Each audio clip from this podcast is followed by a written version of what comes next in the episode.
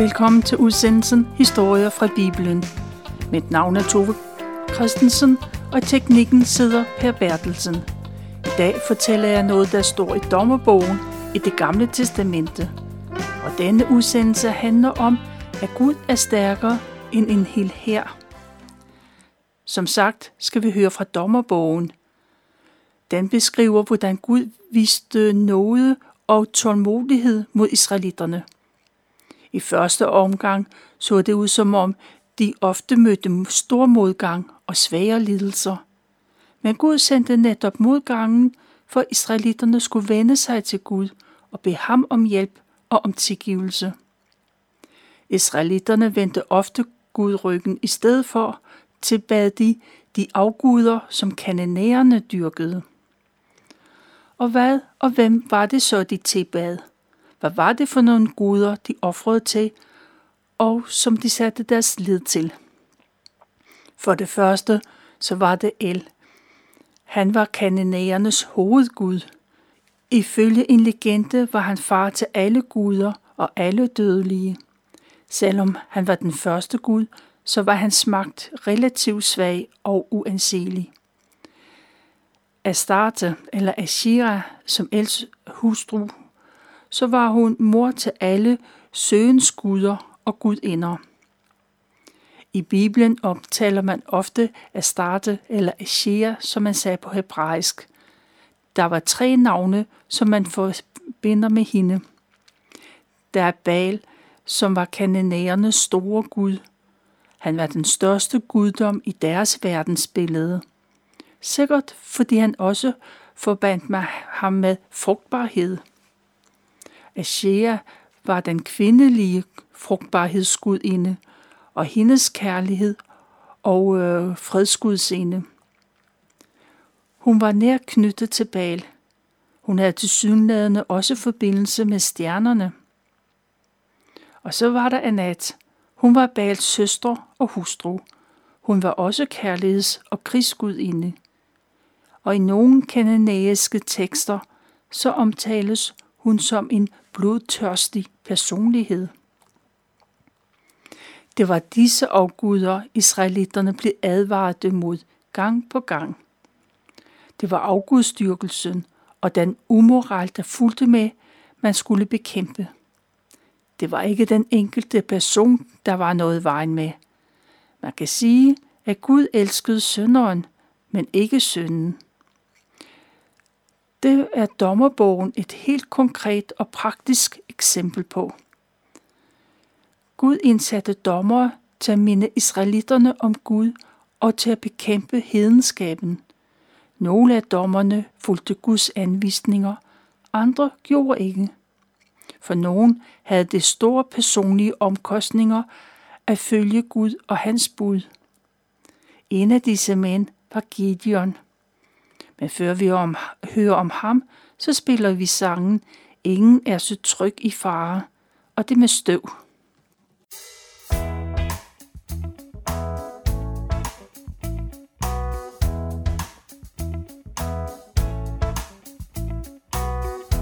ingen er så tryg i fare, som Guds lille børneskare. Fuglen er i skjul bag løvet. Stjernen er højt over støvet. Baba da da da. Baba da da da.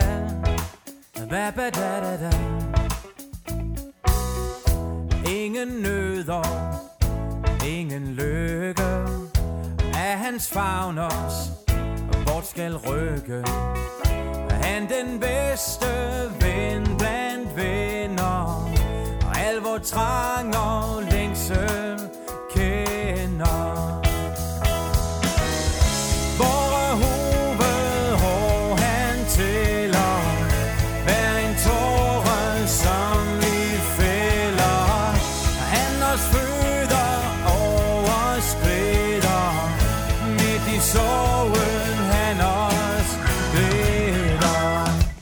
ba ba da da da ba ba da da da Baba da da da Om han tager om han giver samme fader, ja han dog bliver. Og hans mål er kun det ene, barnets sande vel at tjene. Ba ba da da da, ba ba da da da, ba ba da da da.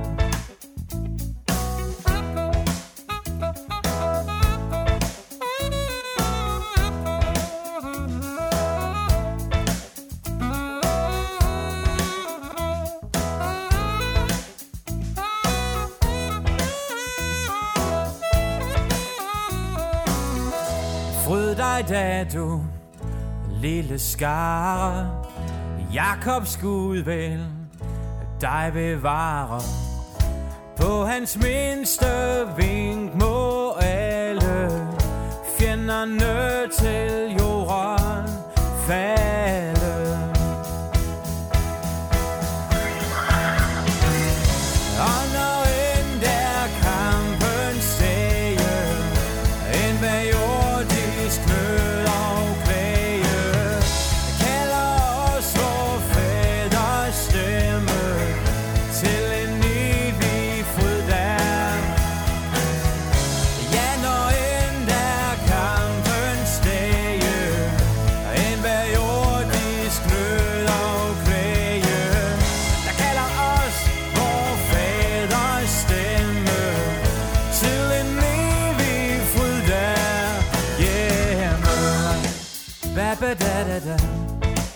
Ba ba da da da Ba ba da da da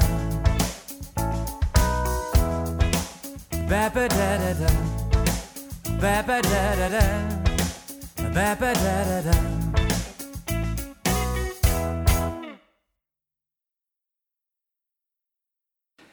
I det første århundrede israelitterne bor i øh, Israel, var der ingen konger. Men de havde dommer, og ofte var det militærpersoner, der førte an i en krig, hvis det var nødvendigt. Det er Gud Herren, der er israelitternes øh, konge. Er man i tvivl om noget, så skal man spørge Gud til råds. I 40 år har det været fred i Israel. I de år har både dommeren og israelitterne søgt Gud. Men da den gudfrygtige dommer dør, så begynder israelitterne igen at ofre til afguder. Man holder op med at spørge efter Guds vilje. Og det smerter Gud at se, at israelitterne ikke længere kommer til ham. Derfor Gud, bruger Gud nabobyerne og nabolandene, de øh, bruger Gud til at få israelitterne i tale. Det betyder, at midianitterne besætter Israel, og befolkningen kommer ud for store og svære prøvelser. Røverbander fra forskellige ørkenstammer strejfer rundt i landet og tager på plyndringstogter.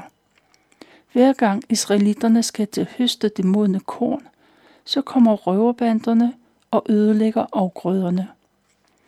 De tager også deres husdyr, og de efterlader israelitterne i dyb fattigdom. De dyrene og kornet, de lever af. Der kommer den ene røverbande efter den anden. Til sidst er det så slemt, at israelitterne flygter op i bjergene. Der indrettede de sig i underjordiske gange, i huler og i forladte klippeborger. Der bor de, mens røverne slår sig ned i de forladte byer. Røverbanden har store flokke af stjålne dyr med, får og kameler. De spiser det græs som, og drikker alt vand. Efter røverbanderne har været der, så har israelitterne ingen grund til at flytte tilbage. Israel er på randen af et sammenbrud. Landet er så håbløs situation, at man begynder at råbe til Gud om hjælp. De har bedt og offret til afguderne, men det har ikke hjulpet. En sidste udvej, det er at henvende sig til Gud. Israels Gud hører deres bøn og får medlidenhed med dem. Som svar sender Gud en profet til Israels folk. Profeten går rundt i landet og minder israelitterne om, at Gud, Herren, er en stærk Gud. De skal huske på, hvordan Gud fik israelitterne ud af fangenskabet i Ægypten, og hvordan Gud gjorde under, så de kunne bo i Kanaan, det land, som de nu kalder for Israel. Begge dele skete for ikke så længe siden, ikke længere siden, end øh, beretningerne er kendte, selvom man ikke længere tror på dem. Profeten minder israelitterne om, at de ikke må dyrke afguder. Og profetens ord gør det klart, at, øh, at de skal gøre sig klar til at følge Guds kald. Gud sender en engel til jorden. Englen kommer til Ofra, og han sætter sig under et egetræ, eller i hvert fald et træ, der ligner et egetræ. Og det får og Gideon er ved at tærske hvede. Han står nede i bunden af en vinperse. Man kan ikke se ham, før man kommer helt tæt på. Han gemmer sig for midjanitterne og håber på, at han kan redde årets høst. Englen finder Gideon og siger, Gud Herren er med dig, du stærke kriger. Gideon undrer sig. Undskyld, siger han, men hvis Gud er med os, hvorfor går det så os så dårligt? Hans forfædre de påstod, at Gud førte dem ud af Ægypten. Men den Gud, der engang var så stærk, har svigtet dem. Det kan ikke være nogen, nogen Gud. Der er ingen Gud, når de har det så hårdt. Han kan ikke tro på en god Gud, når der er så meget ondskab i verden. Gud forsvarer sig ikke. Han siger ikke, at det er israelitterne selv, der har svigtet. Men Gud siger fremad. Han er kommet for at redde Israel fra undergang. Gud har udvalgt Gideon til at frelse Israel fra overmagten. Men Gideon synes ikke, at din opgave han er værdig til. Han kommer ikke fra en stor og betydningsfuld familie. Hans slægt er derimod den ubetydeligste, og oven i købet er han den yngste af brødrene. Ja, siger Gud, det ved han godt. Alligevel er Gideon udvalgt. Men Gideon kan ikke tro, hvad der bliver sagt. Måske er englen gået forkert. Men før Gideon kommer med flere indvendinger, så skal englen da have noget at spise. Og Gideon går for at lave mad, og så sætter englen sig under træet og venter. Det tager sin tid at lave mad, når det hele skal laves fra grunden hver gang. Englen venter tålmodigt, mens Gideon slagter et gedeked og koger suppe. Samtidig bager han et brød. Da det hele er færdigt, så lægger han kødet og brødet i en kurv og hælder suppen i en krukke. Og Gideon, han skal til at servere maden. Men englen siger, at kødet og brødet skal lægges på en sten, og suppen skal hældes over. Gideon undrer sig, men han gør, som englen siger. Og englen rører ved maden med sin stav. Lige med et står der flammer ud af stenen, og maden brænder op. Englen er væk. Da går det op for Gideon, at det var Gud, han, der havde, han havde besøg af. I det samme hører han Guds stemme sige, at han skal være frimodig og stærk. Gideon bygger et alter i erkendelsen af, at Gud har kaldt ham til en opgave. Den nat taler Gud til Gideon i en drøm. Gud siger, at han skal tage sin fars tyr og trække den til familiens Bals alter. Det alter skal rives ned, og billedet af Asher, gudinden, skal slås i stykker. Så skal Gideon bygge et alter til Gud. På alteret skal Gideon ofre familiens eneste trækdyr, og han skal bruge træet fra augustbilledet som brænde. Gideon vil gerne gøre, som Gud siger, men han er bange for, hvad familien og naboerne vil sige og gøre. det Gud forlanger af ham, er meget grænseoverskridende. Han er den, der har den laveste status. Han skal til familiens alter. Derudover skal han dræbe familiens værdifulde dyr. Tyren, der bliver brugt til arbejdet i marken. Gideon er villig til at gøre, som Gud siger, men han tager sine forhåndsregler. Han allierer sig med ti af sine tjenere, og i ly af natten ødelægger han de gamle offersteder og bygger Gud et alter. Naboerne er som altid tidligt oppe. De opdager med det samme, at det gamle balalter er ødelagt, og at der er bygget et nyt. Snart er de klar over, at det er Gideon, der er den skyldige. Der er ingen hemmeligheder i et lille samfund. Naboer, de skynder sig hen til familiens hus, og de forlanger, at Gideon skal udleveres. Han har krænket Baals alter og slået Ashia-billedet i stykker. Gideons far går ud til naboerne. Selvom han også er chokeret, så vil han ikke svigte sin yngste søn. Derfor spørger han retorisk, om de tror, at guden Baal kan have brug for hjælp. Det er en grov fornærmelse mod guden bare at tænke sådan om en gud. Hvis Baal virkelig er en gud, så lad ham forsvare sig selv, og så kan han straffe den, der har revet hans alter ned. Der går ikke lang tid, så samler forskellige konger sig, og de samler sig med ørkenfolkene. Tilsammen har de en stor og stærk hær.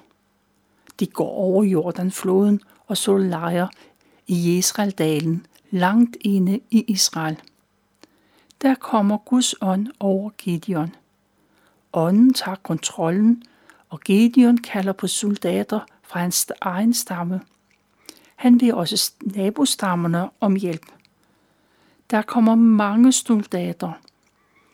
De stiller gerne op til kamp mod fjenden. De har måske bare ventet på, at nogen har taget et initiativ. Gideon kan ikke helt fatte, at han virkelig har sammenkaldt en hel her. Han har stadigvæk ikke tillid til, at Gud vil bruge ham til at frelse Israel. Og så beder han Gud om et tegn. Gideon spreder noget forul ud på marken. Næste morgen så skal ulden være våd af duk, og jorden udenom skal være tør. Hvis det sker, så er det et tegn på, at Gud vil bruge ham. Og sådan går det. Ulden er så våd, at man kan fride den. En hel skål af vand kommer derud. Men Gideon er ikke overbevist. Han vil have et tegn mere. Denne gang skal dukken falde på jorden, men ikke på ulden. Den skal være tør. Endnu en gang gør Gud, som Gideon beder om. Og den næste morgen mærker Gideon på ulden, som er helt tør. Men jorden udenfor er stadigvæk våd af duk. Nu må Gideon stole på, at det er rigtigt. Sammen med soldaterne går han nordpå for at møde fjenden. Den aften så slår de lejr ved et vandløb. Der siger Gud, at de er alt for mange soldater. Gud forklarer, at når de er så mange, så vil de bagefter sige, at de vandt, fordi at de selv var så dygtige. Derfor skal Gideon sende de mænd hjem, der er bange. 20.000 mænd indrømmer, at de er bange. Der er kun én, der skal blive tilbage, selvom også han er bange. Det er Gideon selv. Og så er det 10.000 mænd. Men det er stadigvæk for mange. Og så går alle ned til vandløbet, og soldaterne får ordre på, at de skal drikke vand. Og det videre forløb skal afgøre, hvem der skal være i krig, og hvem der skal sendes hjem. Det afhænger af deres drikkevaner. Gideon står og ser på, at nogle af mændene lægger sig på knæ og drikker ved at føre hånden op til munden, mens andre de ligger på maven og lapper vand i sig, ligesom hunde gør. Nu skal soldaterne dele sig alt efter, hvordan de drikker vand. Dem, der fører hånden op til munden, skal stille sig et sted, og de andre et andet. Og der er stor forskel på de to grupper. Der er 300 mænd, der lapper vand i sig som hunde. Og Gud siger, at det er de usiviliserede mænd, der skal besejre fjenden. Alle andre, de skal gå hjem. 9.700 mænd må tage hjem igen, uden at være i kamp. Men før de går, så samler Gideon deres madkrukker og deres hornsignal sammen. Den skal han bruge senere. Den nat siger Gud til Gideon, at nu kan angribe. Fjenden sover trygt i lejren nede i dalen. De har ikke engang sat vagtposter ud. De regner ikke med, at der kommer overfald lige nu. Men hvis Gideon er bange, så må han selv gå ned og se efter. I ly af mørket sniger Gideon og hans tjener sig hen til udkanten af lejren. Det syn, de ser, er overvældende. Fjenden samlet her ligner en græshoppesværm, der slår sig ned. Og der er flere kameler, end nogen kan tælle. Gideon lister sig ind i lejren. Han kommer forbi et telt, netop som en af soldaterne vågner fra et mareridt. Soldaten fortæller sin kammerat, at han har haft en underlig drøm. I drømmen så han et enormt bygbrød, der rullede ned mod lejren. Og det gjorde teltet helt fladt som en pandekage. Hans kammerat er sikker på, at det kun kan betyde én ting, nemlig at Gud vil give Gideon sejr. Og Gideon har stået og lyttet, og han bøjer sig i tilbedelse til Gud. Så skynder han sig tilbage til sine egne soldater. Han vækker dem. Nu er tidspunktet kommet. Gud vil give dem sejr. Gideon deler sine mænd i tre grupper, 100 mænd i hver. Hver soldat får et horn og en lærkrukke. Nede i krukken er der gemt en fakkel. På den måde kan faklerne transporteres, uden at det kan ses. Så forklarer Gideon, hvad planen er. Lidt efter midnat kommer Gideon og hans 100 mænd til udkanten af lejren – og der gemmer de sig, indtil de to andre også er på plads. Gideons gruppe, de øh, blæser i hornene og knuser lærkrukkerne på samme tid. Faklerne lyser op i natten og kan ses langt væk. Det er et tegn til, at to andre grupper gør det samme. 300 mænd holder fakler i vejret og blæser i hornene.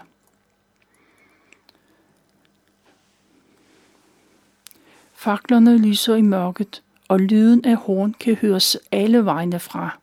Gideons soldater råber i kor, for Gud og for Gideon, for Gud og for Gideon. Da israelitiske soldater, de står bare ganske stille. De holder en fakkel i hånden og råber. Og så står de og ser ned i fjendens lejr. Og de farer rundt og råber og skriger i vild panik for Gud har skabt stor forvirring, og soldaterne begynder at dræbe hinanden. Det er alle mod alle, og man flygter over hals og hoved. De fleste søger ned mod Jordanfloden for at komme ud af Israel. Og Gideon han sender et bud af sted ned til de stammer, der bor på flugtruten og ved Jordanflodens vadesteder. Han beder om deres hjælp, så fjenden ikke flygter forbi dem. Gideon selv og hans 300 mænd forfølger fjenden. Ingen må undslippe. Da Gideon kommer til Ifrems bjergområde, så bliver han stoppet. Flere stammeledere er fornærmede på Gideon. De havde da regnet med, at de ville være med helt fra starten. De støtte over kun at være med i slutfasen. Men Gideon beroliger dem. Det er da dem, der har kæmpet, de har kæmpet meget mere, end han selv har gjort. Gideon og hans mænd får lov til at fortsætte For Gud vil have, at de fanger alle sammen og fanger de flygtende konger. Selvom de er trætte, så går de ud i den farlige og kolde Jordanflod. Og da de kommer frem til den israelistiske by Sukkot, så spørger Gideon, om de ikke kan få noget mad der. Men byen siger nej. Kongen er flygtet, de skal fanges, ellers får de alle sammen problemer. Man skal ikke spille tiden med at spise og drikke. Gideon bliver nødt til at fortsætte, men han er vred, og han truer med pisk, når han kommer tilbage. Heller ikke den næste by får de mad, og også den by, de får dødstrusler. Gideons mænd må fortsætte, selvom de både er trætte og sultne. Til sidst bliver de flygtende konger indhentet, sammen med de sidste få soldater, der er i live. Gideon laver et overraskelsesangreb, og han får held til at dræbe dem alle. Gideon og hans mænd kan endelig vende hjemad. Men først så er der noget, der skal gøres op. De to byer, der nægtede dem mad, de får deres straf. Gideon gør nøjagtigt, som han troede med. I syv onde år er de slut, og landet er frit igen. Taknemmeligheden er stor, og israelitterne ønsker, at Gideon skal være deres konge, og hans sønner skal være tronarvinger. Da Gideon hører det, bliver han forskrækket. Hverken han eller hans sønner skal være konger. Gud er deres konge, og sådan skal det blive ved med at være. Gideon er dommer de næste 40 år, og i al den tid stoler israelitterne på Gud, og der er fred i landet. Det er, hvad jeg valgte at fortælle fra Dommerbogen, kapitel 6-8. Vi slutter udsendelsen med at spille sangen hvor er Gud blevet af? Og det er med Josva.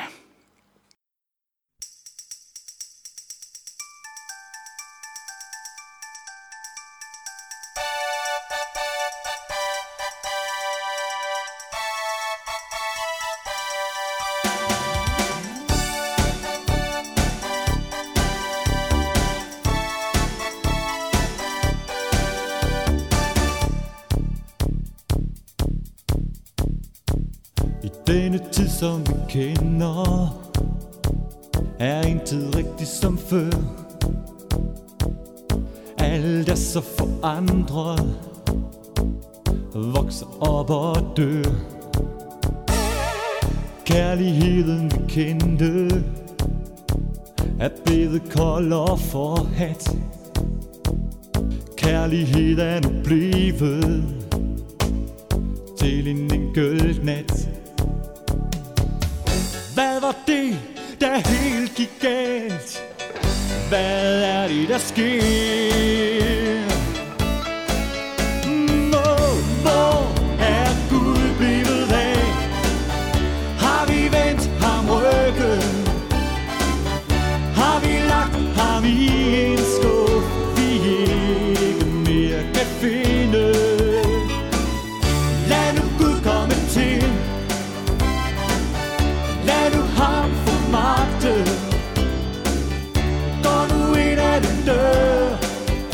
Som endnu er åben for dig.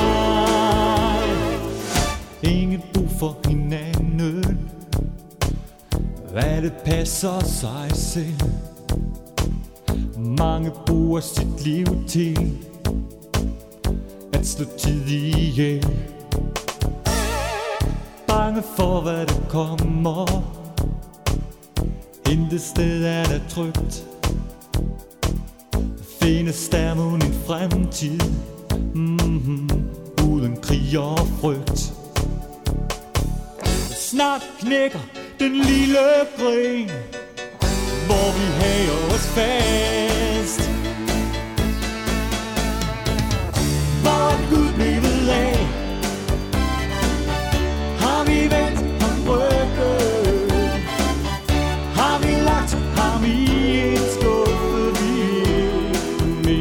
nothing